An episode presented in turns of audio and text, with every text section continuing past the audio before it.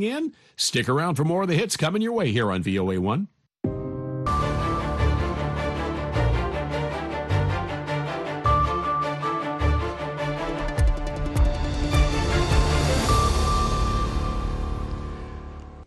halkani waa washington laanta afka soomaaliga idaacadda v o a oo aad ka dhageysanaysaan mawjadaha gaagaaban efmiyada geeska afrika iyo caalamkao dhan oo aad nagala socotaan v o a somaly com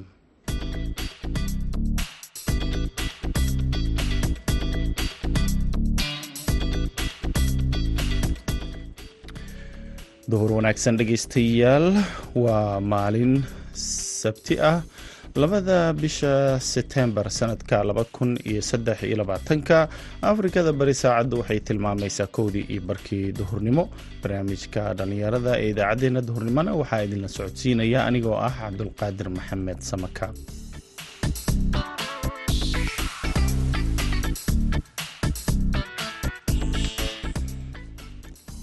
qodobada aad ku dhageysan doontaan idaacaddeenna duhurnimo waxaa ka mid ah barnaamijkii madasha dhallinyarada oo aan ku eegeyno doorka dhallinyarada iyo siyaasadda soomaaliya. Qaar dalka gudihiisa jooga iyo kuwa bannaankaba ka imaadayba ay maxaa la dhahaa maaragtay siyaasadda ay ka shaqeynayaan oo xafiisyadii dalka ugu weynaa ay maxaa la dhahaa maaragtay qorshayaashii iyo siyaasadihii iyo mataqaana maaragtay ay ka shaqeynayaan oo dadka sida saxda ugu shaqeeya qofku siyaasina uu noqon karaa. Ciyaarihii iyo kaalmihii heesaha ayaad sidoo kale maqli doontaan balse intaasoo dhan waxaa ka horreeya warkii dunida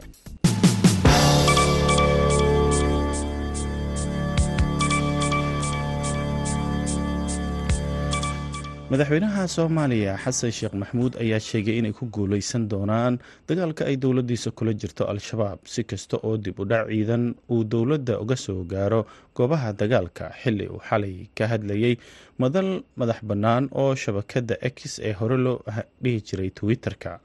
waxa uu sheegay in kadib markii uu dib u dhac ku yimid dagaalkii ka dhacay cusweyne labaatankii bishii hore ay dowladda dib u habeyn ku sameysay ciidamada si ay u sii hayaan goobihii horey loogala wareegay al-shabaab. Madaxweynaha ayaa sidoo kale sheegay in dagaalka ay ku guuleysteen cosweynena ay kaga xoog badnaayeen al-shabaab isagoo tilmaamay in khasaaraha soo gaaray kooxda shabaab uu aada uga badnaa midka gaaray ciidamada marka laysbarbar dhigo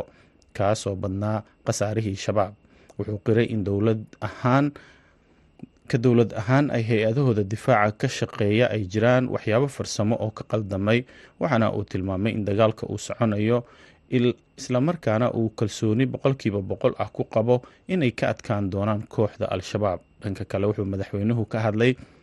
bixitaanka ciidamada admis isaga oo qiray inay ahayd in dowladiisu ay codsato in dib loo dhigo dhimista socoto muddo lix bilood ah laakiin keliya ay codsadeen in dib loogu dhigo ciidanka bixitaankiisa ee la qorsheeyey disembar ilaa iyo juun ka duqeymo dhinaca cirka ah ayaa lagu burburiyey saldhiggii maleeshiyada al-shabaab ee deegaanka dumaye ee degmada xaradheere ee gobolka mudug kaas oo ahaa halka ay ka abaabuli jireen weerarada ay ku qaadaan gobollada mudug iyo galgaduud sida uu v o a u xaqiijiyey. Maxamed deeq yuusuf kulmiye oo ah guddoomiyaha xaradheera saldhigan oo lagu magacaabo xarunta xerta sheekh maxamuud raage ayaa la sheegay inay yaaleen hub iyo gaadiid dagaal oo badan islamarkaana ay isku urursanayeen kooxda al-shabaab maleeshiyadeeda. Wasiirka arrimaha gudaha dowladda federaalka axmed macalin fiqi ayaa sidoo kale qoraal uu soo dhigay bartiisa facebook ku xaqiijiyey weerarka saldhigan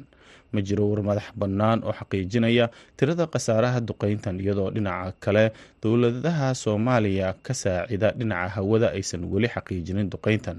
Al-shabaab ayaana bilihii u dambeeyey wajahayay dagaal saf ballaaran ah oo cir iyo dhul ah iyada oo ciidamada dowladda federaalk oo kaashanaya kuwa madaniga ah ay ka qabsadeen degmooyin tuulooyin iyo deegaano badan kuwaas oo ay ugu dambeysay degmada ceelbuur ugu dambeyntiina in ka badan afar iyo siddeetan kun oo qof oo u dhashay dalka afghanistan oo codsaday barnaamijka dib u dejinta ee mareykanka ee lagu taageero dadka reer afghanistan ee la soo shaqeeyey ciidamada mareykanka ayaa ilaa iyo haatan sugaya sidii ay u heli lahaayeen dib u dejinta mareykanka sida lagu sheegay warbixin cusub oo la soo saaray. Warbixintan oo khamiistii uu sii daayay kormeeraha guud ee wasaaradda arrimaha dibadda ee mareykanka ayaa lagu sheegay inay qaadeen tallaabooyin kor loogu qaadayo fududeynta fiisayaasha gaarka ah ee loogu talagalay dadkaasi reer afghanistan hase ahaatee laba sano kadib markii uu mareykanku ka soo baxay afghanistan islamarkaana ay awoodda dib ugu laabatay ururka taalibaan waxaa muuqata in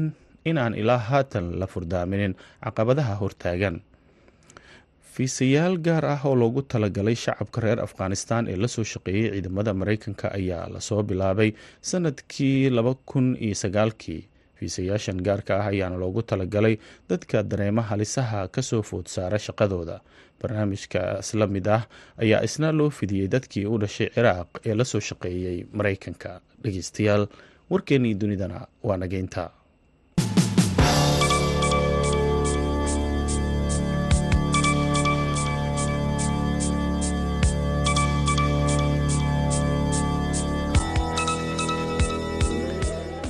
halkaaad warkaasi ka dhageysanayseen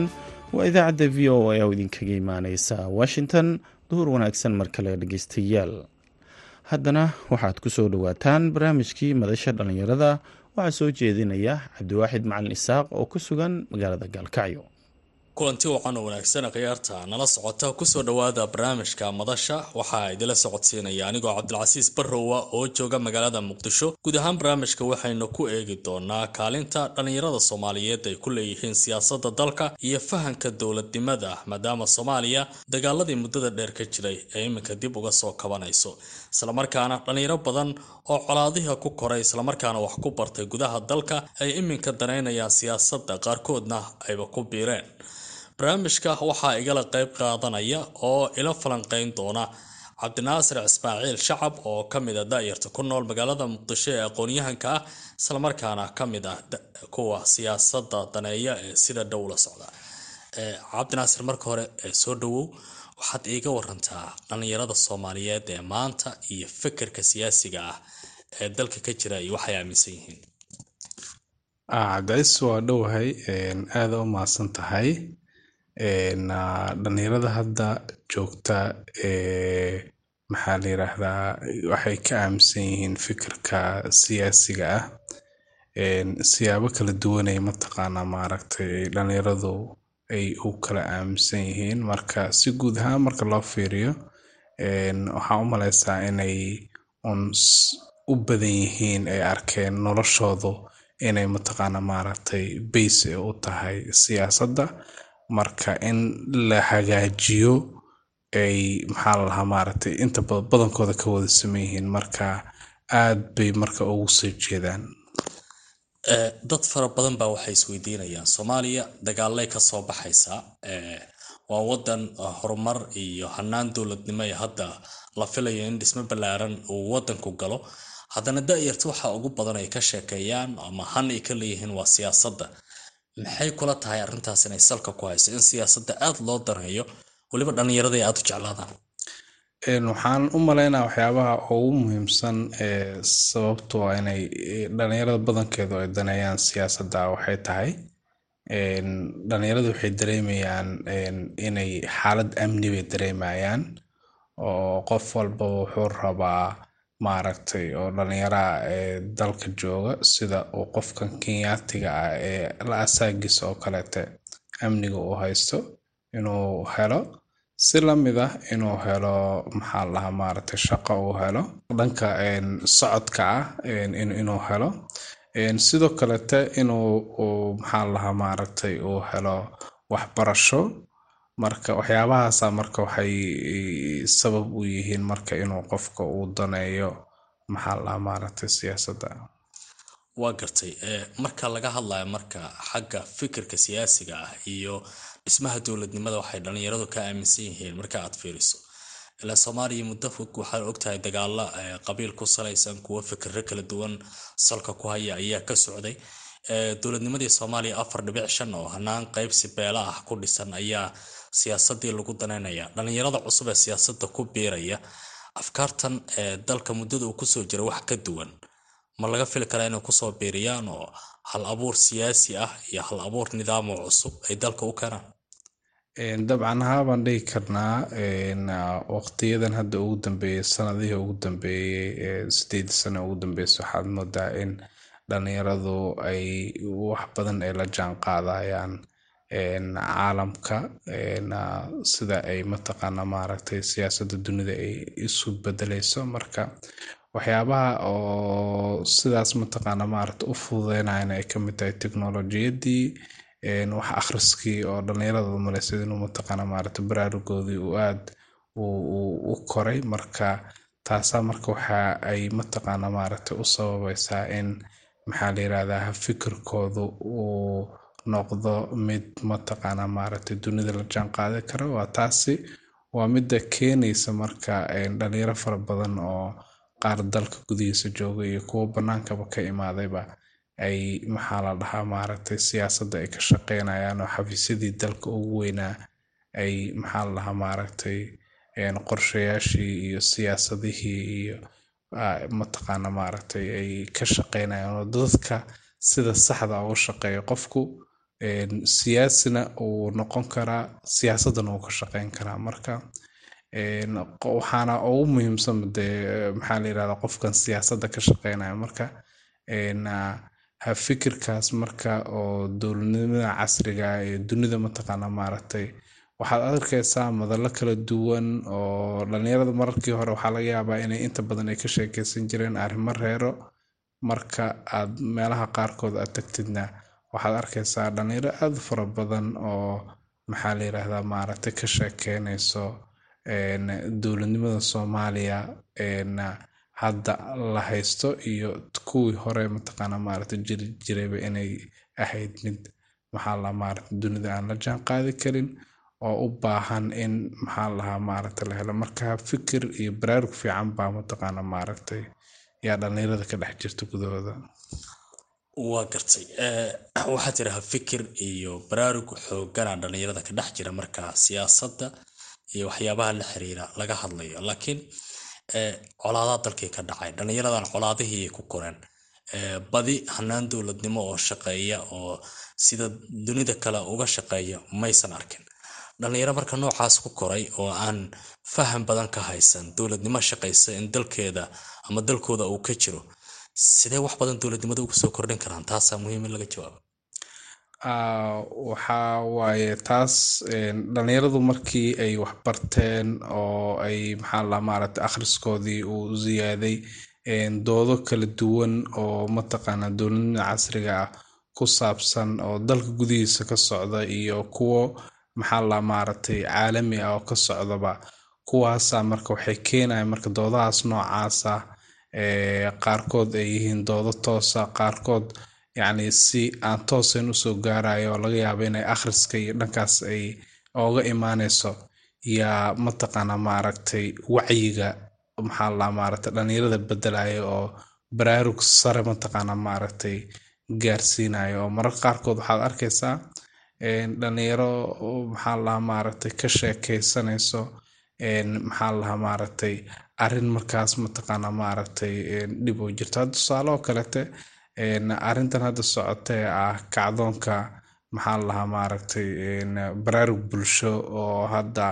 gobollada qeybo ka mid ah maxaa lahaa maaragtay lagula dagaalamayo al-shabaab ay dhalinyaradu qaarkood ay ka fikirayaan oo leeyihiin maxaa lahaa maaragtay sida ay iskula jaaqaadi karaan dowladdii iyo maxaa maaragtay dadkan qabaa'ilaadka ahee hadda kacay nimankan al-shabaabka la dagaalamayo in maxaa lahaa maaragtay la iswaafajin kara marka waxaad waxaad moodaa in dhalinyaradu mataqaana maaragtay fikirkooda iyo qaabka ay mataqaana maaragtay su'aalaha isku weydiinayaan jawaabaha iyo waxa ay keenayaan in maxaa la yirahdaa maaragtay aad u malaysid inay dhankii xalka ahaa mataqaana maaragtay ay aadayaan. Marka waa waqti maxaa la maaragtay aada muhiim u ah oo aad u malaysid mataqaana maaragtay in la sii aadayo dhankii xalka. Dad badan waxay qabaan fursadaha maanta dhallinyarada ay haystaan ee qaarkood qasbayaba in siyaasaddii ay saameyn ku dhex yeeshaan. Ama in si fudud looga barto saaxadaha iyo madalaha looga hadlo arrimaha siyaasadda inay sabab u tahay warbaahinta baraha bulshada oo aada u fududaysay laakiin haddii warbaahin dadka lagu gaaro baraha bulshada aysan jiri lahayn fursadaha maanta ay dhalinta siyaasadda u haystaan inaysan heli lahayn arrimahaasi sax miyaa la oran karaa? Dabcan haabaa la oran karaa. Waxaa jirto dad fara badan oo maxaa lahaa maaragtay isku afkaara oo laga yaaba inaysan mataqaana maaragtay muddo aysan inaysan is arkinba laakiin haddana baraha bulshada ay saaxiibo ku yihiin oo ha fikirkoodii waxooda mataqaana maaragtay aada iskugu soo dhawaadeen marka teknolojiyadda iyo maxaa la maaragtay baraha bulshada qeyb weyn bay ka noqotay dadka in afkaarahooda mataqaana maaragtay ay ka dhigto kuwo isku hal qol mataqaana maaragtay ku jirto. Bacdama haddii ay maxaa lalahaa maaragtay soomaaliya oo dagaalo mataqaana maaragtay ay ka jiraan dhaqdhaqaaqi maxaa lalahaa maaragtay guud ahaan dalkan uu aad maxaa lalahaa maaragtay u xadidan yahay aysan jiri lahayn meelo la iskugu imaan karin oo qaraxyo iyo mataqaana maaragtay dhibaato mataqaana maaragtay laga cabsanayo marka maysan mataqaana maaragtay jiri lahayn marka in dhalinyaro meelo kala duwan ka kala imaatay ama xataa magaalo gudaheeda ay wada joogaan inay mataqaana maaragtay isdhexgal noocaasa ay sameeyaan oo oo maxaa laa maaragtay ay afkaarahooda mataqaana maaragtay ay isweydaarsadaan marka waxaan dhihi karnaa teknolojiyadana mataqaana maaragtay casriga ayaa wax weyn mataqaana maaragtay ka bedeshay oo oo isu soo dhawaasho mataqaana maaragtay xoog badan oo dhanka afkaaraha ah maxaa lahaa maaragtay samaysay. Marka la barbar dhigo shantii sane ee la soo dhaafay ama tobankii sane ee la soo dhaafay sida dhalinyaradu ay siyaasadda u fahmayeen ma waxaa la oran karaa arrimahaasi la xiriira baraha bulshada ayaa sabab u ahaa. Mase waxaa jiray jaamacadihii laga qalin jebinayay iyo xaggii aqoonta dhalinyaradii oo ku badata ayaa sabab u ahayd. Labadaas marka laysku aqriyo xaggee loo qaadan karaa?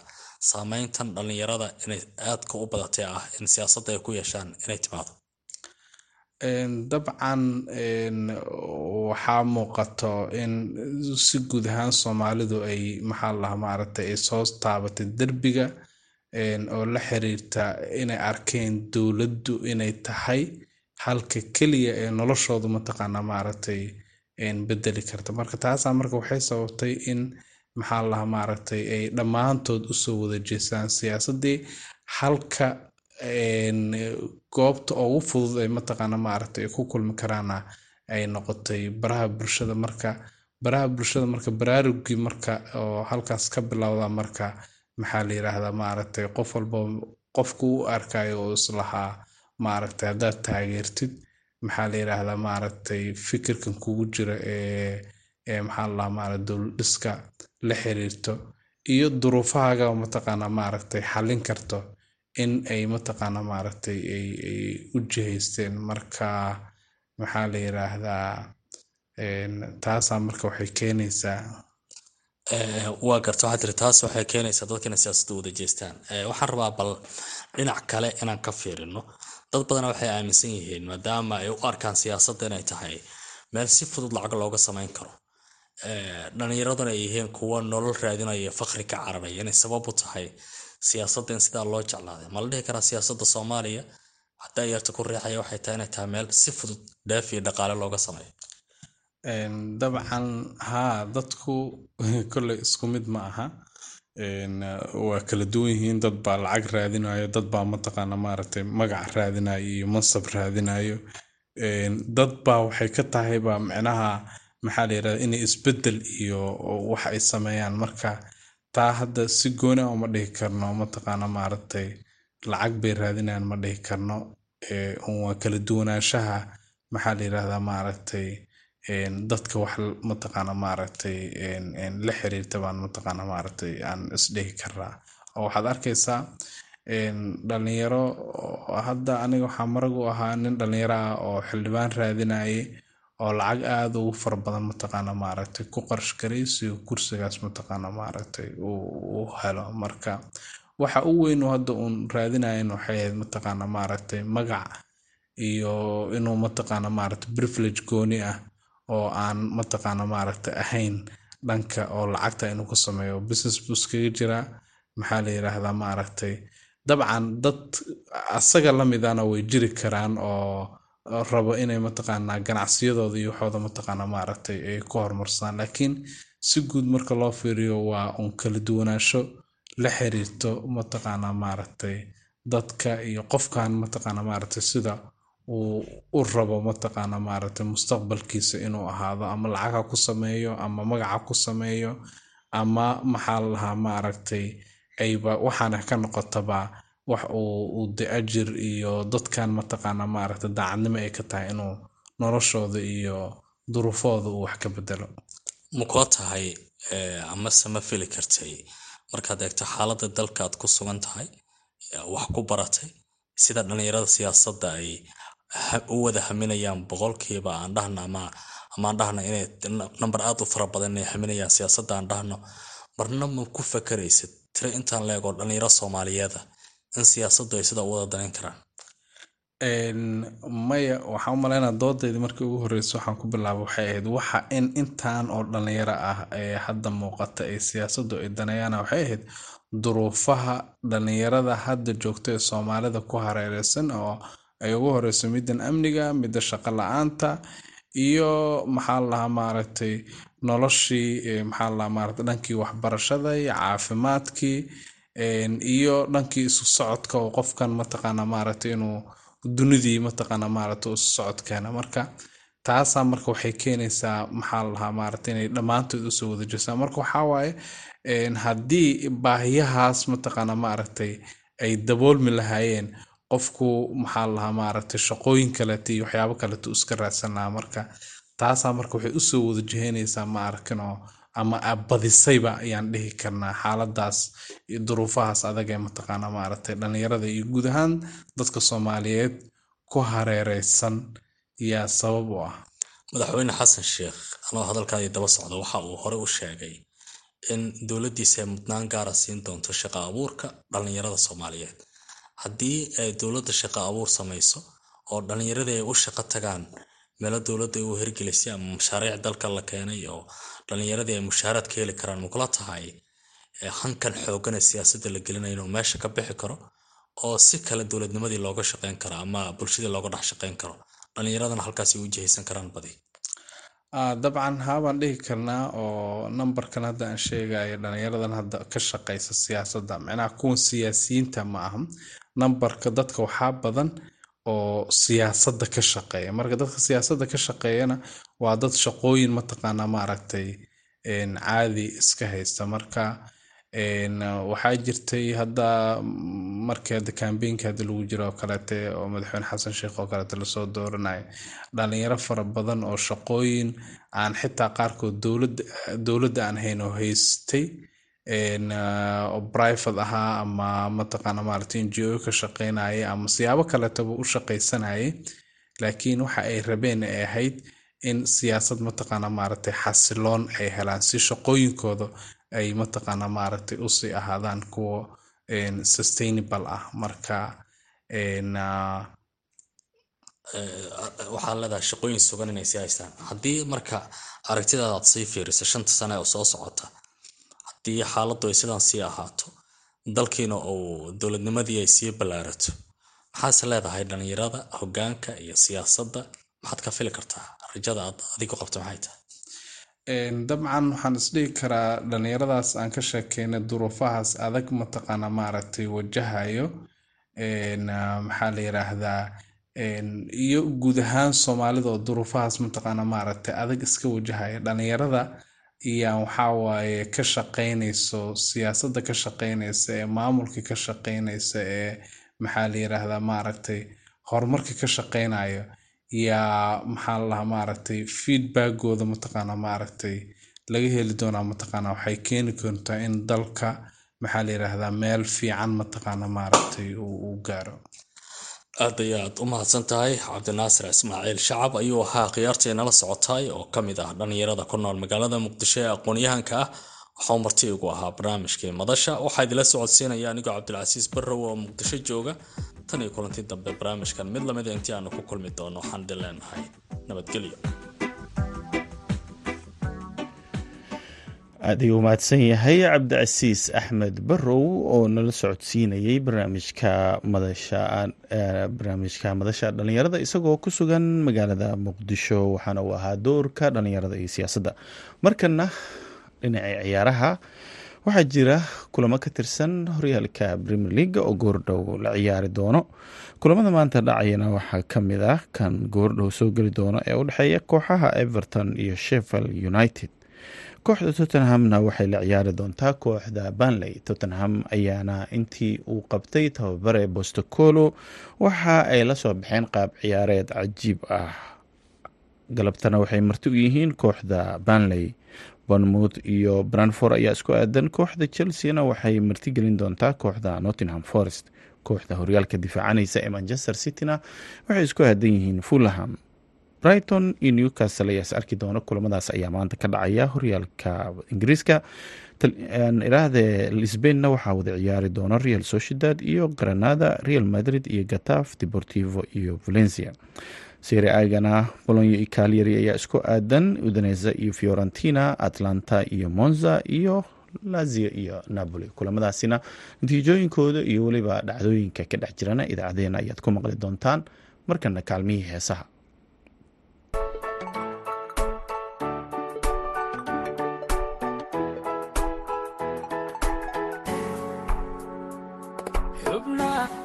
hadalkaaga qubta barhbaaba xanuunsanaya adigu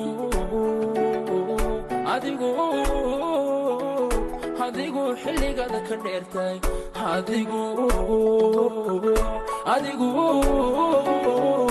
Adigu xilligaada ka dheertay. Xubna hadalkaaga qubta barhbaaba xanuunsanaya adigu adigu xilligaada ka dheertay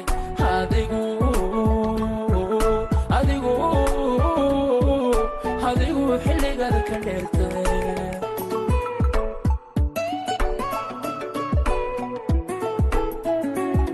xaalkayga adoo waraysan xogtayda adaa markiiba xabiibti indhaha ka qaata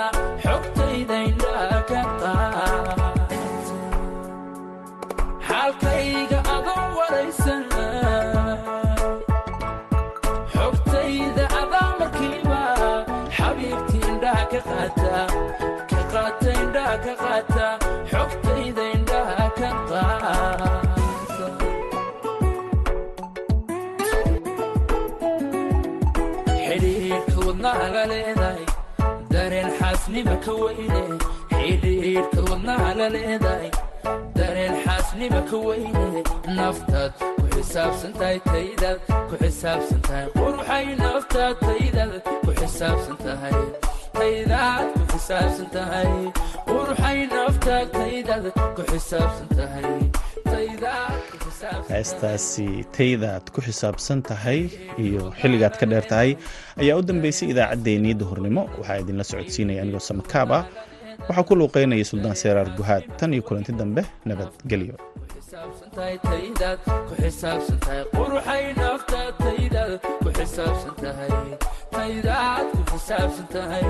quruxay naftaad taydaad ku xisaabsan tahay. Taydaad ku xisaabsan tahay.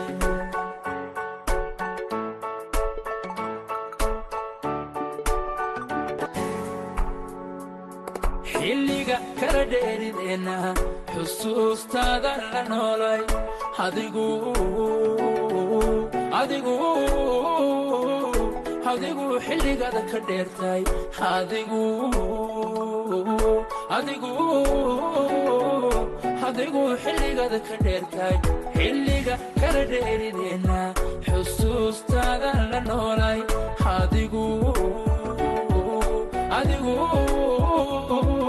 Adigu xilligaada ka dheertay adigu